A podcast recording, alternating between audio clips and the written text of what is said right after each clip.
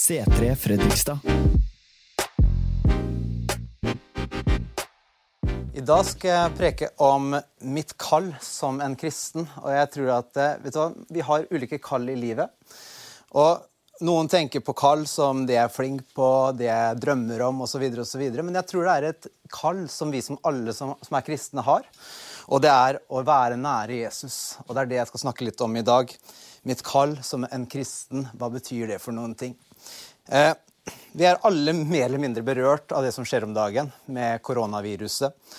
Eh, og for mange i landet så er man mer berørt enn andre. Noen har det gått utover jobbene. For andre så har det gått utover helsa. Og jeg tror at eh, i de situasjonene som fins nå, så er folk de er sultne etter noe mer enn bare hverdag og det som skjer i hverdagen. Hva kan bringe håp inn i situasjonen? Hva kan bringe mening og hensikt inn i den situasjonen som man er i akkurat nå? Og Der tror jeg vi som er kristne, har et kall som kan nå ut til så mange mennesker i byen og så mange mennesker som virkelig trenger noen ting de ikke helt klarer å sette fingeren på, men som bare Gud vet at vet du hva, de menneskene her elsker jeg, og dem vil jeg hjelpe. Og der mennesker er som mest sårbare, for det er vi alle sammen. Vi er mennesker. Du og jeg, vi er mennesker. Men vi er alle sårbare når det kommer til, det kommer til stykket. Når ting skjer, så, så er vi bare mennesker. Men heldigvis så tror vi på at Gud er Gud. Og for Gud så er ingenting umulig. For Gud så kan han gjøre det mest umulige. Bare snu det på hodet på et sekund. Og det er, det, det er den Guden vi tror på. En Gud som virkelig er over alt og alle. Og som er en trygghet for oss når alt shaker rundt omkring oss og ting ikke ser bra ut. Så, så vet vi at vi har en Gud som alltid ser de tinga som kommer til å få oss igjennom. Og som en kristen så velger jeg å tro på Jesus. Jeg velger å, å, gi mitt liv til han. Det gjør jeg som en kristen. Og jeg velger å ha en relasjon med Jesus uansett hva. Og jeg ønsker å følge hans vei framfor min egen. Jeg ønsker å gjøre han til den som er mitt liv. Og ordet kristen det betyr tilhører Kristus, eller tilhører Jesus betyr ordet kristen. Og jeg tror det å tilhøre Jesus, det, det, det går på å legge livet sitt i hans hender. At nå er du min Jesus, og også mine situasjoner. Det, det Selvfølgelig så gjør jeg så godt jeg kan, og jeg, jeg har fått et ansvar for å ta hånd om det ansvaret osv. Vi tar jo vare på ungene våre, vi tar, jo, tar hånd om oss sjøl.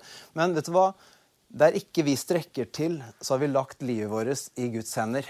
Og det er en stor trøst når vi ikke strekker til og ikke ser at vi klarer å komme oss igjennom.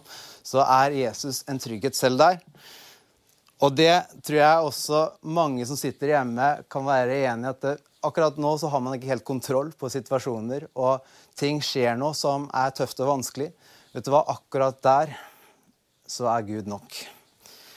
Og det å tilhøre Jesus betyr å gi kontrollen over til ham og la han få lov til å sitte i det førersetet. Og mitt kall, eller min hensikt, meningen med livet, er det mange som spør om. Hva er meningen med mitt liv? Hva er hensikten? Hva er kallet med livet mitt? Og jeg tror det er ikke bare å gjøre store ting, selv om det, alle drømmer om det. Vi vil oppnå det her, vi vil, vi vil ha den karrieren, vi vil synge framfor tusenvis, vi vil, vi vil gjøre det, vi vil gjøre det. Altså, å få hensikt, å få mening og et kall. Jeg tror det har mye mer med å være sammen med Han som har skapt oss. For det er der vi finner oss sjøl. Det er der vi finner meningen med, med, livet. Nemlig å være sammen med Han som er veien, sannheten og livet, nemlig Jesus. Og livet Gud har gitt oss, det er for verdifullt til å sløse bort på bekymring og et jag etter bare mer av ting som får oss til å føle oss tomme. Jeg tror Jesus han kan fylle alle tomrom. Og Det står i Bibelen søk først Guds rike og hans rettferdighet, så skal du få alt det andre i tillegg. Og jeg har virkelig troa på det òg. Det å søke Gud først. Det gjør at vi kan få alle de andre tinga vi drømmer om å gjøre. De, kanskje den tinga vi drømmer om å gjøre. Men vet du hva? At han er målet framfor alt annet. Og ingen menneske har kommet til denne jorda her av en tilfeldighet. Du har en mening. Du har et kall, du har en hensikt med livet ditt, uansett hva som har skjedd, uansett hva som skjer, eller uansett hva du tror kommer til å skje, så fins det en mening med ditt liv. Det fins en hensikt og et kall med ditt liv som er så mye større enn bare det du ser nå. Og det, det er bare Gud som kan si til oss og gi oss en trygghet når vi føler at ting shaker. Og vi er skapt med en mening ja, et kall som egentlig ikke er bare for nå, men som er for evigheten. At vi har et kall, vi har en mening med livet som ikke bare gjør det bra her og nå. At liksom, å, jeg fikk den jobben, og det er jo kjempefint. Fikk den, eh, jeg fikk den kjæresten, det er jo kjempefint. Men at eh, vi, har et, vi har, en mening og en hensikt som er så mye høyere enn bare akkurat nå. Og det, ting som kan få meg til å føle meg bra akkurat nå, men som går inn i evigheten og bringer mennesker nærmere Jesus. Og mange sier at uh, man ikke kan ha noe meningsfylt kall fordi man, altså man ikke kan snakke for seg, man ikke kan synge, man kan ikke være framfor store mengder osv. osv. Og jeg tror at det, akkurat det bildet der skal vi snakke litt om i dag òg. At det er en stor løgn, eller en stor unnskyldning kanskje, på enkelte. Men vet du hva, at alle har et kall, og alle har en mening med det livet som man har. Og ditt kall er større enn dine talenter. Det er større enn din personlighet og dine begrensninger og whatsoever. Vet du hva? Kallet som Gud har gitt oss, meningen og hensikten, den er så mye større enn bare oss og vår egen lille sirkel. Så ta gjerne notater der du sitter hjemme nå, og, og skriv opp litt, for da kan du tygge litt på det også når den preken er ferdig. Så det anbefaler jeg alle. Punkt én i dag er å være med Jesus. Hva er kallet ditt som en troende, en som tror på Jesus? Det er rett og slett å være med Jesus. Å være sammen med Jesus. Og det kan høres Ja, selvfølgelig. Men allikevel så er det så fort vi, vi glemmer det så fort. For vi er så opptatt av alle ting som skal gjøres. Alle aktiviteter. Alle de tinga som hverdagen liksom her, det, det skal gjøres, det skal gjøres, det skal gjøres. At vi glemmer bort det viktigste av alt, nemlig å være med Jesus. Så enkelt som det. Og vi forbinder ofte kall med heftige ting og viktige mennesker som skal gjøre liksom spesielle ting. Liksom. Og jeg tror at for deg som elsker superheltfilmer, som er nesten altså, det, det, er ikke helt sånn det er. fordi at kall handler om noe mer enn bare hva du gjør. Og Vi hører kanskje folk som sier 'wow, for en kraftfull tale'. liksom. Det var kjempebra. Du har et kall over livet ditt, du har en plan for livet ditt. Du, har, du er virkelig noe stort. da. Bare for at du kan preke eller synge bra eller, eller gjøre noe som liksom skiller seg litt ut i mengden. Men jeg tror at dette, alle mennesker har en hensikt, nemlig å være sammen med sin skaper. Og Kall handler ikke om hvor spesiell, flink og viktig du og jeg er. Det handler om egentlig hvor fantastisk Jesus er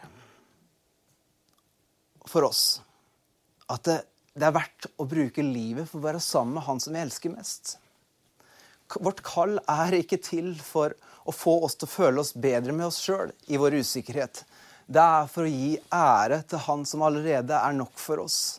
Også Han som er verdt å sette fokuset på. Og jeg tror for deg som, som, som er en kristen, så trenger du å bli påminnet om det her akkurat nå. At du trenger først og fremst Jesus. Hva er meningen med livet? Hva er målet med livet? Det er Jesus. Og for deg som kanskje ikke tror og fins Gud og hele pakka her, vet du hva?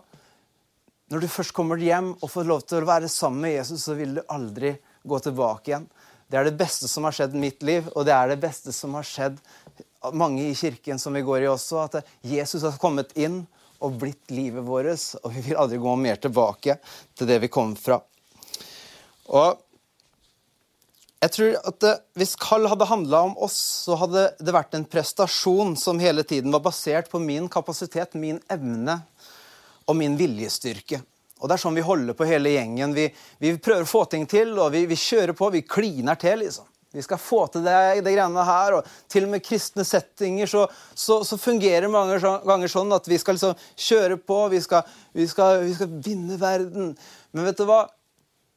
Alt det der strevet, alt det der kavet, det bunner egentlig bare i menneskers ideer og viljestyrke og kapasitet. At man glemmer å ta med Jesus, som er det mest attraktive som mennesker trenger. Det mest relevante som mennesker trenger. Og kall handler ikke om hvem vi er, men om hvem Jesus er i oss og gjennom oss. Kall handler ikke om hvem vi er og hva vi kan prestere, men hvem Jesus er og hva Jesus kan gjøre gjennom oss. Ergo så er det Jesus som får lov til å virke gjennom oss ved at vi er sammen med ham. At Gud kaller oss ikke først og fremst til å gjøre ting, men han kaller oss til å være sammen med Han. Og kraften til å gjøre kommer fra og kraften av å være sammen med Jesus. Det er der kraften kommer fra. Rett og slett bare være sammen med Han som er kraften sjøl. Jeg skal lese et bibelvers fra Markus 3, 14-15. Han pekte ut tolv, som han også kalte apostler for at de skulle være sammen med han, og for at han kunne sende dem ut for å forkynne og ha makt til å drive ut de onde åndene. Og her står det at han kalte dem til å være sammen med han, og etterpå til å sende dem ut til å forkynne og hjelpe mennesker som var plaga av ulike ting, og som trengte hjelp. Men først og fremst for å være sammen med han. Og jeg tror det her er det som kommer først alltid, at vi er sammen med ham. Sånn at vi deretter kan få lov til å gjøre det. At det, det vi gjør, er et produkt av det å være, kunne være sammen med Jesus. For da, da, da vet vi at vet hva, det her er ikke bare jeg som skal gjøre, det her er det bare Gud som kan gjøre. Og, det, og den overbevisningen får vi ved å være sammen med Han. At han blir vårt alt. Da, Først da så kan vi gi til andre mennesker rundt omkring oss. Vi kan elske mennesker, vi kan gjøre ting fordi at vi har et hjerte som allerede er fylt opp av Guds kjærlighet. Og Da blir det så mye lettere å gi også. At vi kan elske oss sjøl og andre mennesker fordi han elska oss først. Vi har et grunnlag å ta, ta ut den kjærligheten fra. Og som det bibelverset her sier også, før Jesus kunne kalle dem ut til å hjelpe folk, så sa han at de skulle være sammen med han. Og du en, Hvis du har en skjøteledning som skal gi strøm til mange elektroniske enheter Du har liksom mobilen din, og så har du mobil til, og så har du iPaden din og så har Du liksom, du vet en sånn skjøteledning med, med typ tre til seks sånne kontakter. Du skal gi strøm til mange enheter som igjen skal liksom få liv, få lyse opp og, og gjøre sin funksjon. Men en skjøteledning som ikke er kobla til en strømkilde, kan heller ikke gi strøm til de enighetene som skal lyse opp og funke sånn som den skal.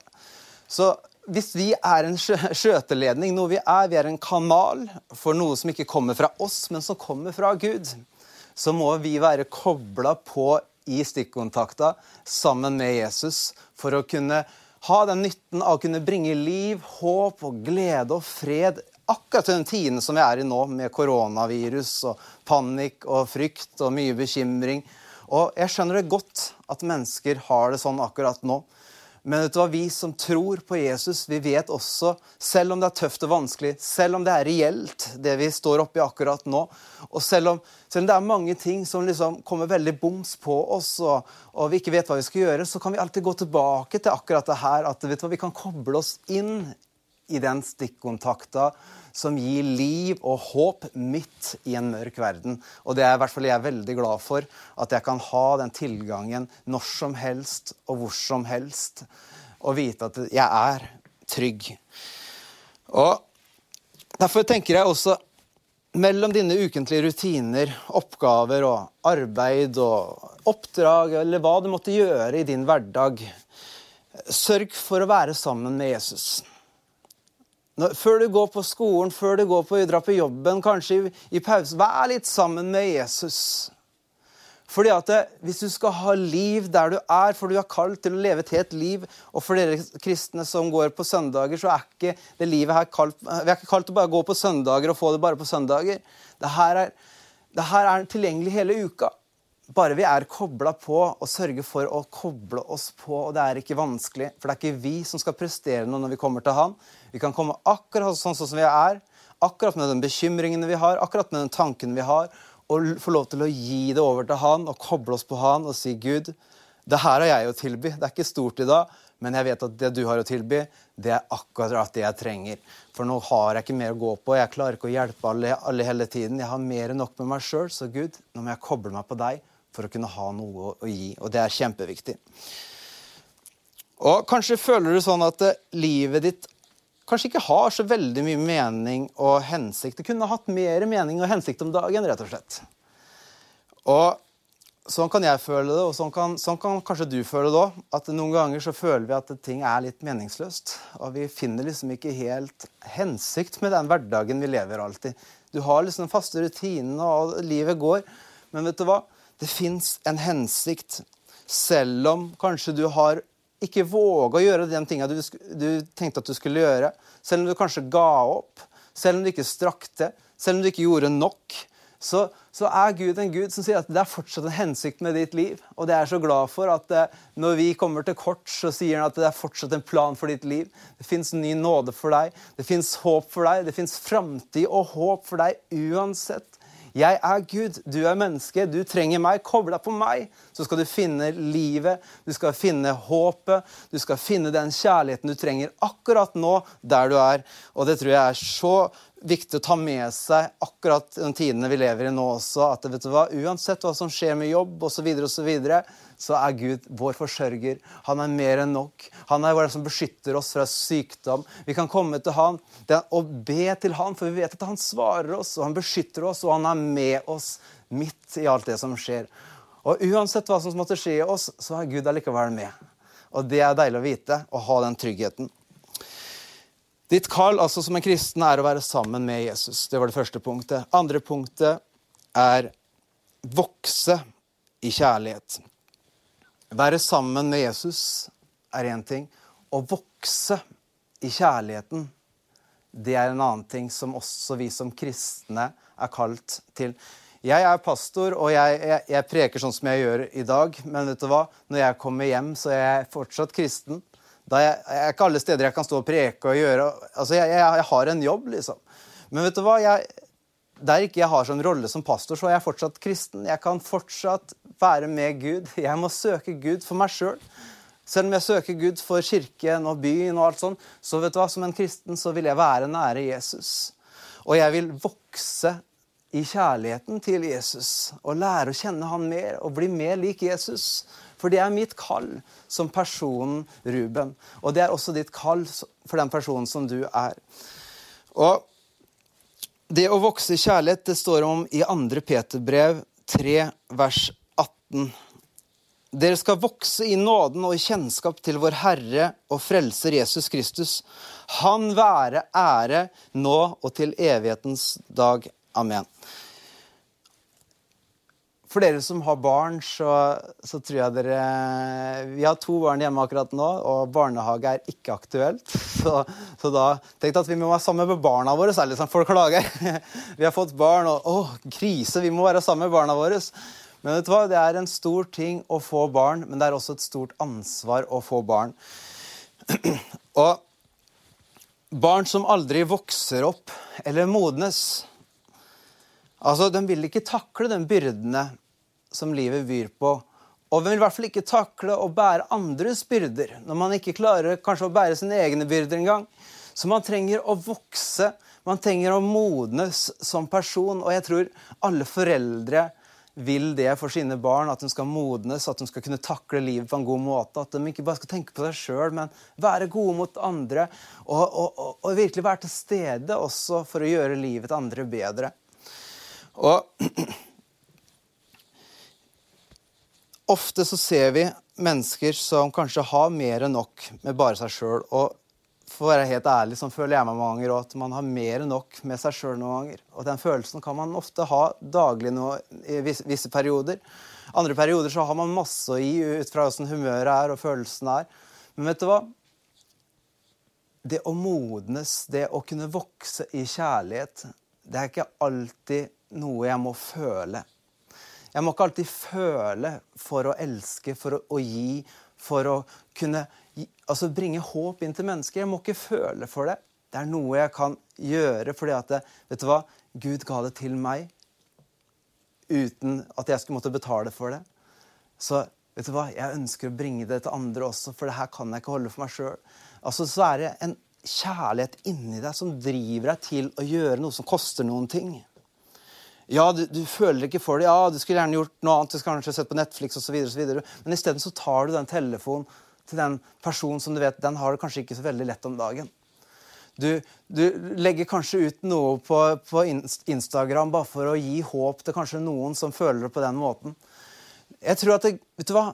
Vi kan modnes i kjærligheten, og det betyr egentlig å bli mer lik Jesus. Sånn at håpet kommer ut til flest mulig mennesker. Jo mer jeg vokser i kjærlighet, jo flere vil høre om hvor god Gud er for dem i akkurat deres situasjoner. Jo mer jeg vokser i kjærlighet, jo flere mennesker vil bli berørt av hvem Jesus er. Og det, jeg tror det er Derfor er det så viktig for oss som kristne å vokse i kjærligheten nå. Sånn at det enda flere mennesker skal kunne få høre om den kjærligheten som Gud har til hver enkelt. Det er lov å si amen selv om du ikke sitter i rommet for akkurat nå. så Si gjerne amen hvis, hvis du er der. Yes. Ofte så ser vi Jeg har to unger, som sagt. og man ser ting som, i ungene sine som skremmer en litt, for det har ligna veldig mye på meg sjøl.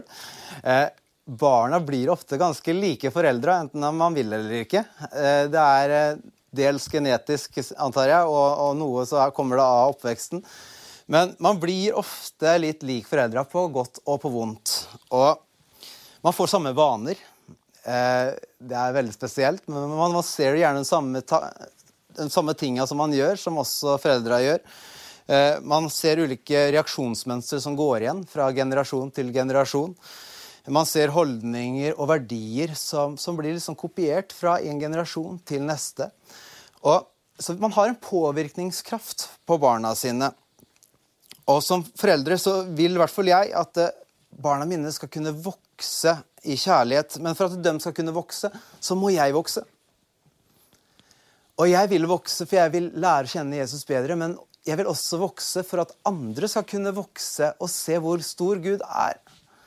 Og når andre ser på mitt liv, at de blir oppmuntra, at det, det, her vil jeg også oppleve. Jeg vil også komme nærme den guden som har, gjort det her for Ruben. Så jeg tenker, vet du hva, Jo mer jeg vokser, jo mer jeg får blitt avhengig av Gud på flere områder i livet mitt, jo flere, flere, andre også kan få oppleve Gud på de områdene. Derfor er det så viktig for oss som kristne å vokse og komme nærmere Jesus på den måten. Og hvordan kan man vokse? Vokse er ikke noe man må, men det er noe vi vil. Fordi at vet du hva, Når du først har opplevd Jesus, så vil du bare ha han. Og ja, det, som jeg har sagt, det koster noen ting. Det koster oss mange ganger veldig mye å følge Jesus. Det er ikke 'bli kristen og alt blir bra'. Men vet du hva? Vi, livet vårt går opp og ned, og vi er mennesker. Men vet du hva? Det er så verdt å følge Han som virkelig har totalforandra livet vårt. Og virkelig gitt oss et håp, et liv, en glede som bare ingen klarer å prestere. Det er så verdt å følge Han som har redda oss ut fra situasjon etter situasjon som vi ikke klarte å håndtere på egen hånd. Det er så verdt å følge Jesus. Så hva kan vi gjøre da for å vokse? Vi vil vokse ved å ha en vane av å komme til kirken og få åndelig mat og drikke. På den måten skal vi vokse kontinuerlig fra uke til uke og komme til kirken og ha en vane av å komme sammen og høre hva Gud har å si til oss. Bli oppmuntra og bli oppmuntra oppgløda til å Vet du hva, jeg tenkte å gi opp, men vet du hva, etter jeg hørte det her, så bare vet jeg at det er nytt håp. Så vi trenger det, fordi vi lekker veldig fort. Ha vaner av å lese Bibelen. Be og investere inn i ditt daglige vennskap med Jesus. Ditt daglige vennskap. Man vil være sammen med dem man elsker, og som er viktig for oss. Og jeg tenker, Noen ganger så glemmer vi hvor viktig kanskje ulike personer er for oss. Vi tar kanskje hverandre for gitt noen ganger, og det kan vi gjøre med Gud også. Men det å bare si at vet du hva, Jesus, Du er jo faktisk livet mitt, og jeg har glemt og jeg, jeg liksom, vet du hva, det, Den relasjonen her er ikke helt sunn om dagen. og vet du hva, jeg, Takk at du bare tar meg imot allikevel. At ikke du bærer nag av, av, av, min oppførsel, men at jeg kan komme til deg nå. Og at du står med åpne armer og vil være sammen med meg. Og at du vil vise meg hva som står i ditt ord. Du vil, du vil svare på mine bønner. Og du vil virkelig bare komme til meg i min hverdag. Jeg tenker at vi kan vokse ved å hjelpe mennesker å møte Gud i, i hverdagen.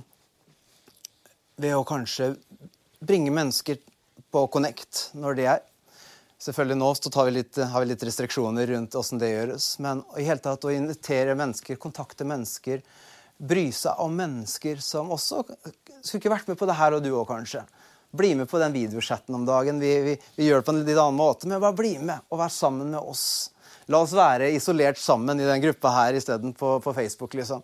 Så det, det, går an å bry seg om andre og ikke bare komme sjøl og ikke bare tenke at nå skal jeg ha dekka mitt behov, men ta med en til som også kan få dekka et behov. Vi vokser ved å be for folk som møter store hverdagsutfordringer nå om dagen med koronaviruset. Mennesker som mister jobbene sine, bransjer som det går veldig sterkt utover akkurat nå. Det er mange mennesker som har det ganske tøft nå. At vi ikke bare ber for oss sjøl, men vi ber også for dem som har det enda mer tøft og vanskelig enn det vi har akkurat nå. Og også for dem som har frykt, og som går gjennom hverdagen og er bekymra. At de ikke skal bekymre seg, men også finne en trygghet i Gud. Det å vokse det betyr egentlig at man tar fokuset bort fra seg sjøl, jeg, meg og mitt, til at andre også skal få en del av det. Fordi når vi er sammen med Jesus, så opplever vi at det her er så stort. Det er, det er så mye at det, det, er, det, er, er plenty til meg, og det er plenty til alle andre.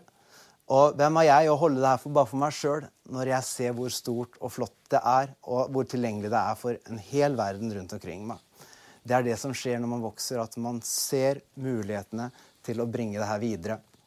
Og du vet at en lege som er syk, kan, selv, kan også lege andre mennesker. Kan hjelpe andre mennesker selv om de ikke har det helt topp sjøl.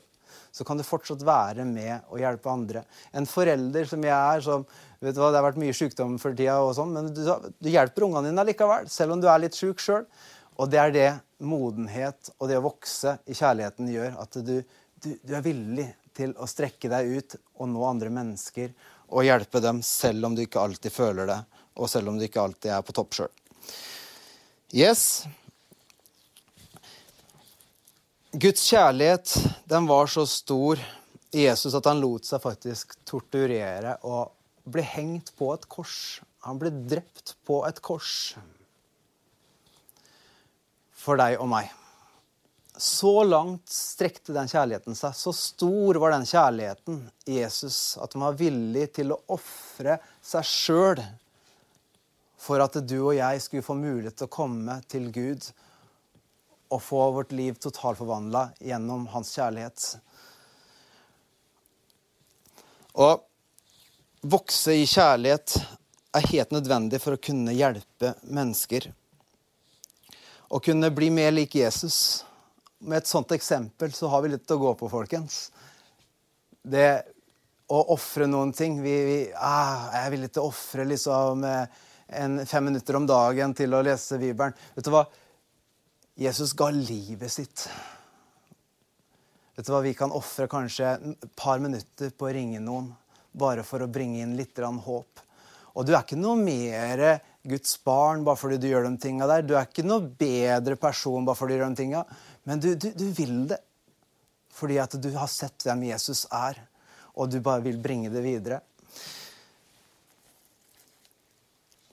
Når du velger å stole på Guds trofaste kjærlighet, så vil du også se hva han kommer til å gjøre. For han er trofast til det han sier til deg. Han er trofast til det han lover deg.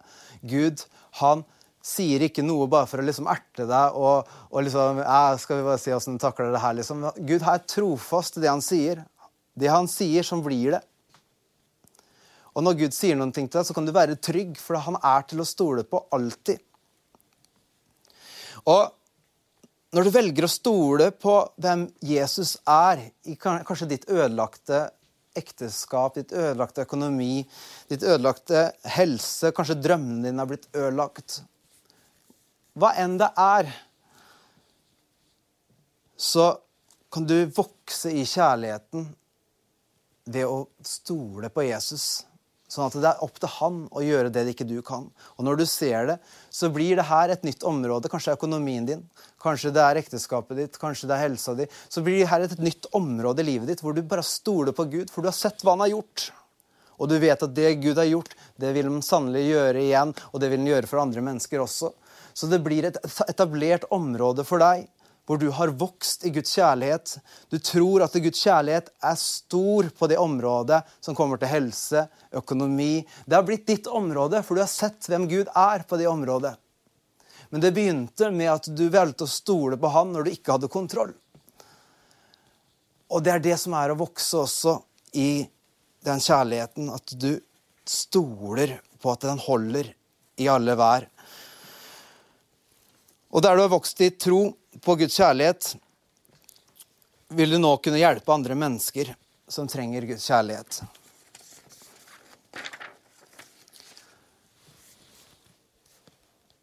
Mange sier at fordi man har vært kristen kanskje i lang tid, så må man være en moden, vis person.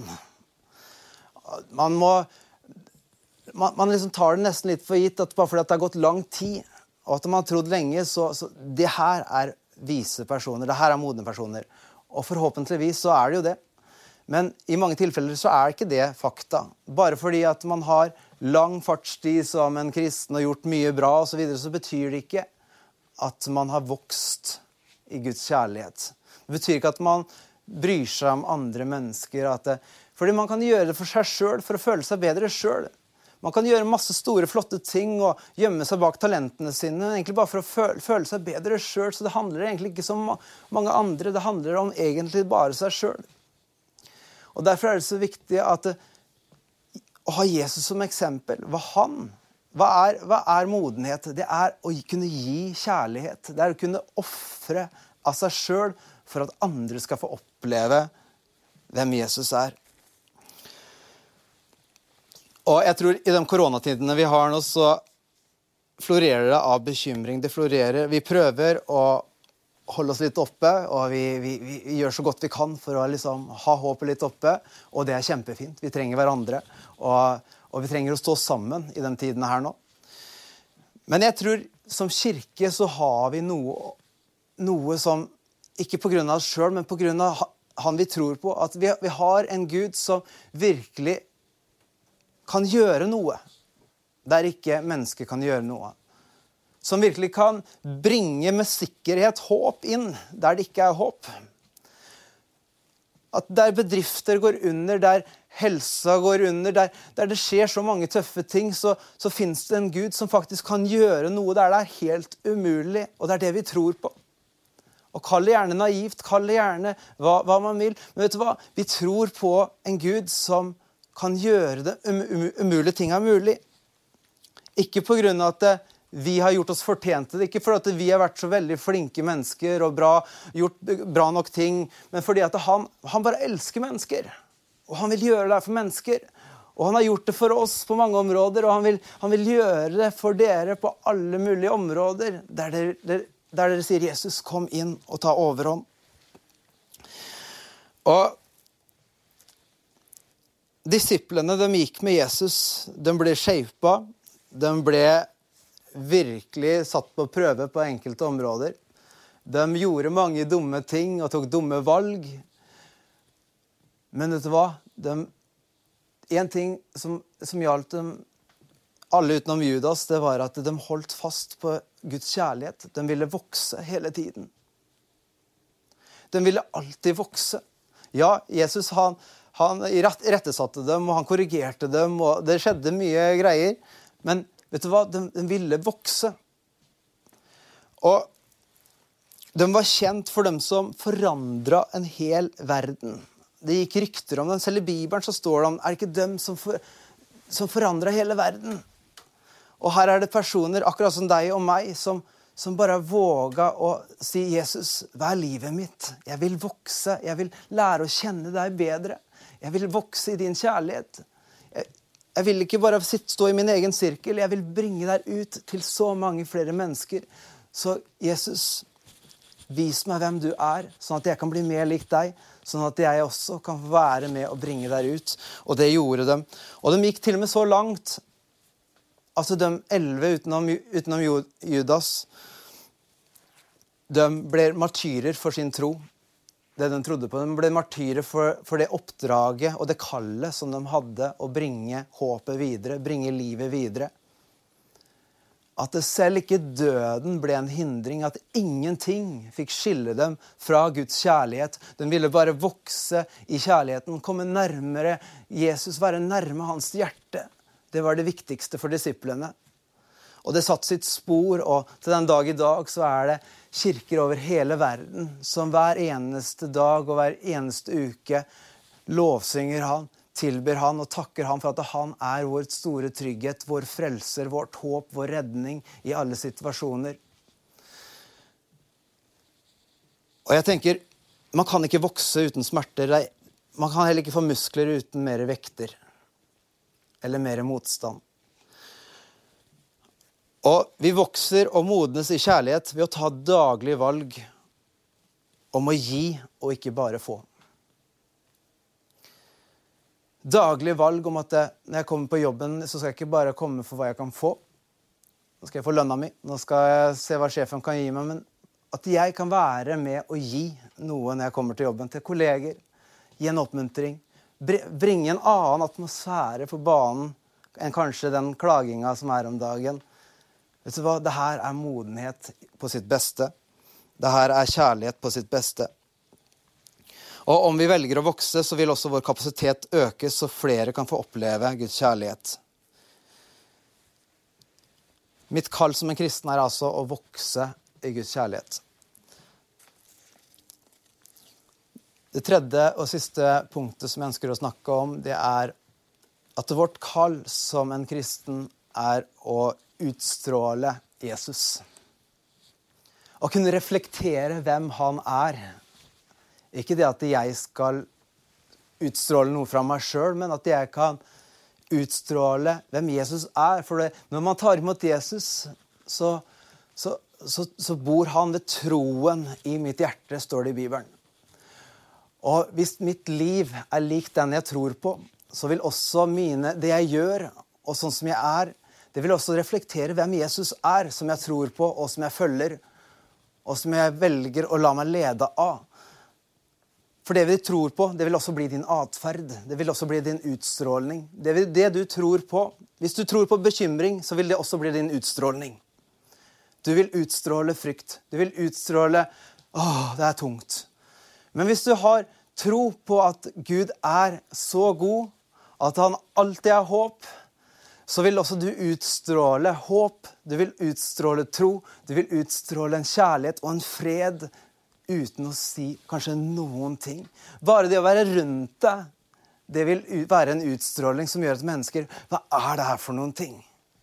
Jeg har det kanskje akkurat på samme måte som den personen, samme problemer som den personen, men den utstrålinga her, den, den, fatter jeg ikke og bør gripe meg på, for det, hvor kommer det her fra?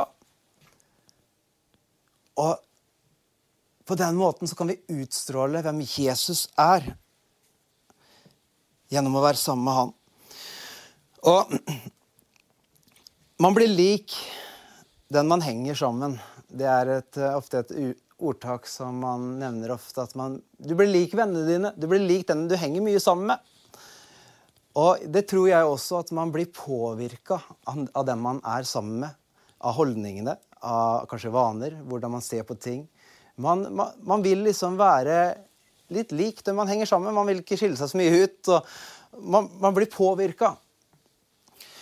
Og derfor tenker jeg på godt og på vondt så bringer vi med oss en holdning, en atmosfære og en spirit ut fra dem vi henger sammen med, ut fra de tankene vi har, ut fra de følelsene vi bruker mye tid på, ut fra de situasjonene som vi står i, som vi, vi prøver å fikse opp i. Så, så ut fra alt det vi, vi, har i hverdagen, som vi lar fylle livet vårt, og som vi hører på, og som vi tenker på, og som vi, vi liksom lurer på, så, så, så vil noe fylle seg opp her inne en slags holdning, en slags spirit, en slags stemning som vi vil bære med oss ut fra hva vi lar få styre helsa i vårt hjerte.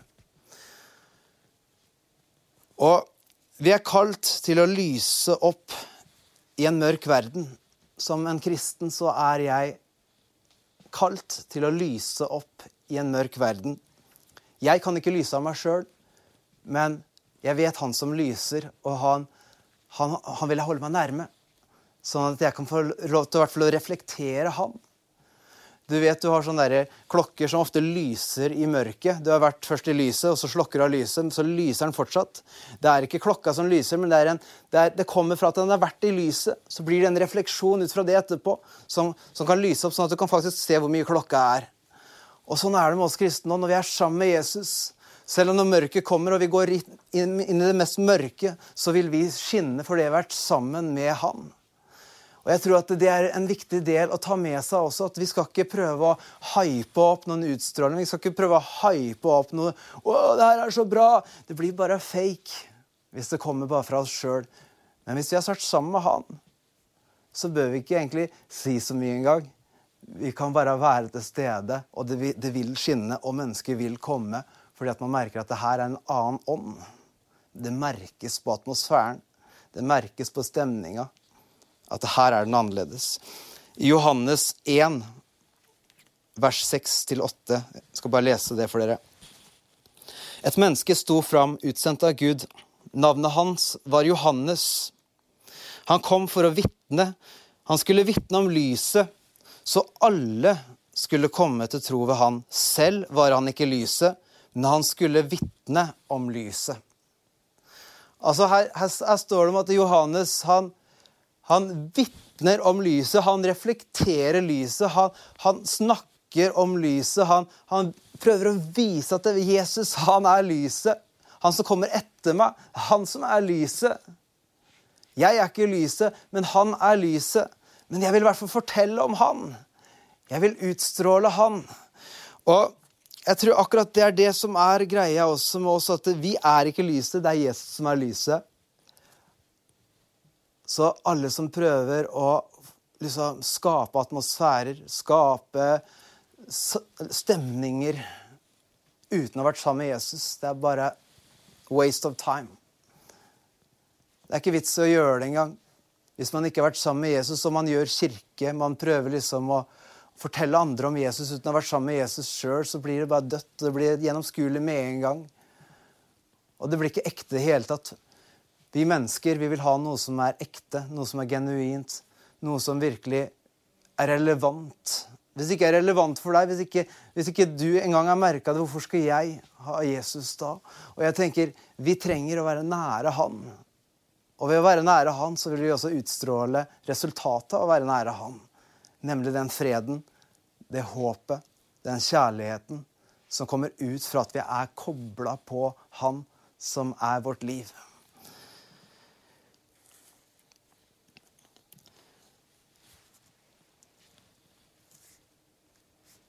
Altså jeg tenker, vi, vi, bør ikke prøve hele tiden å være så For mange stiller meg det spørsmålet Jeg har ikke vært så god kristen i det siste. Eller jeg, jeg er liksom ikke så kristen at jeg går så mye på møte. og liksom, jeg, jeg, må bare skjerpe meg litt før jeg kan komme til kirken. og Man tenker liksom eh, Man føler seg liksom ikke bra nok. Men jeg tenker, vet du hva? Ingen har en sjanse likevel til å komme opp på det nivået hvor man skal føle, bli fortjent og føle at vet du hva, nå kan jeg stråle. Fordi vi alle vet at når vi kommer hjem, så vet vi alle om at vi er mennesker. Vi har våre ting, vi har våre svakheter, vi har de tinga. Men vet du hva, takket være Jesus så kan jeg ha en annen utstråling allikevel. For det kommer ikke an på meg. Eneste jeg skal gjøre, er å klamre meg fast til han og være sammen med han. Sånn at han kan bli den som blir synlig gjennom meg. Og jeg, jeg, tror det er så viktig å huske på for deg som herjer og, og sliter og strever gjennom hverdagen og prøver å få ting til å liksom komme sammen og, og, og prøver liksom å ordne bekymringene. vet du hva? Det at det, du kan få lov til å la Gud få stråle gjennom deg. Den freden som han kom for å gi deg, den er noe fysisk. Det er ikke bare en følelse. Selv om det er en utstråling, så er det ikke bare en følelse. Det er noe som påvirker oss. Det å være sammen med Jesus det påvirker oss. Det påvirker også vår fysiske hverdag med jobb, alt mulig. Gud han, han vil at vår fysiske hverdag skal fungere. At vår kropp skal fungere. At vi skal kunne ha, ha penger nok til det vi trenger. Og kunne, til og med kunne hjelpe andre. Han er, bryr seg om alle aspekter i våre liv. Men den utstrålinga han har, den er altså også noe som bringer fysiske mirakler på banen når vi, når vi, når vi bringer det på banen. Så jeg vil vite et annet bibelvers også, før vi går mot avslutning. Det er Apostlenes gjerninger 4, vers 13-14. Da de så hvor frimodige Peter og Johannes var, og forsto at de var ulærde menn av folket, undret de seg. De visste at de hadde vært sammen med Jesus. Og da de så mannen som var helbredet, stå der sammen med dem, kunne de ikke si imot. De så at eh, Peter og Johannes hadde vært sammen med Jesus. De var ulærde, de visste ikke alt, kanskje, og de tenkte hvem er de der, liksom? Og, vet du hva? Men det var noe med dem. Og det hadde til og med skjedd et mirakel. At det var en mann som var blitt helbreda. Hvem kunne si noe imot det? Det var en kraft bak dette her som man bare ingen kunne si noe imot. Og jeg tenker det er bra med bra sanger, bra lovsang, lyskastere, bra Instagram-bilder. Ja, high fives, bra slogans. Det er veldig fint, men det beholder ikke. Hvis ikke det er liv til å kunne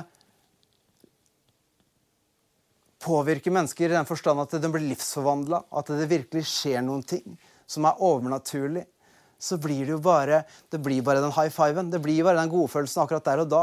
Men Gud han kom for å gi liv inn til det som var helt dødt. Det er det som kom for å skje når Jesus kom ned. Han kom for å bringe liv midt i det umulige, det som var helt dødt. Og det er et stort mirakel. Og vi alle er døde uten Jesus i vårt hjerte. Men Jesus kom for å bringe liv inn i hvert hjerte. Inn i mitt hjerte, inn i ditt hjerte.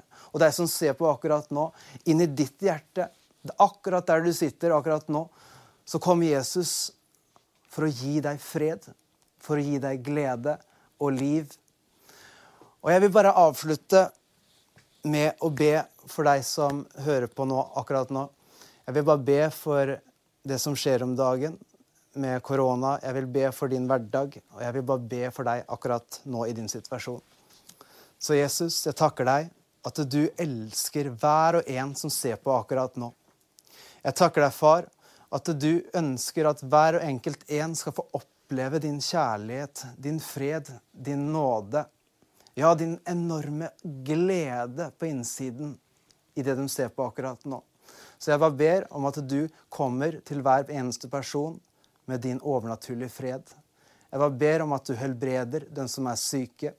Jeg bare ber om at du gir en sånn åh, ja, det her kommer til å ordne seg for dem som har mista jobben, og som kjenner, eller som kjenner folk som har mista jobben.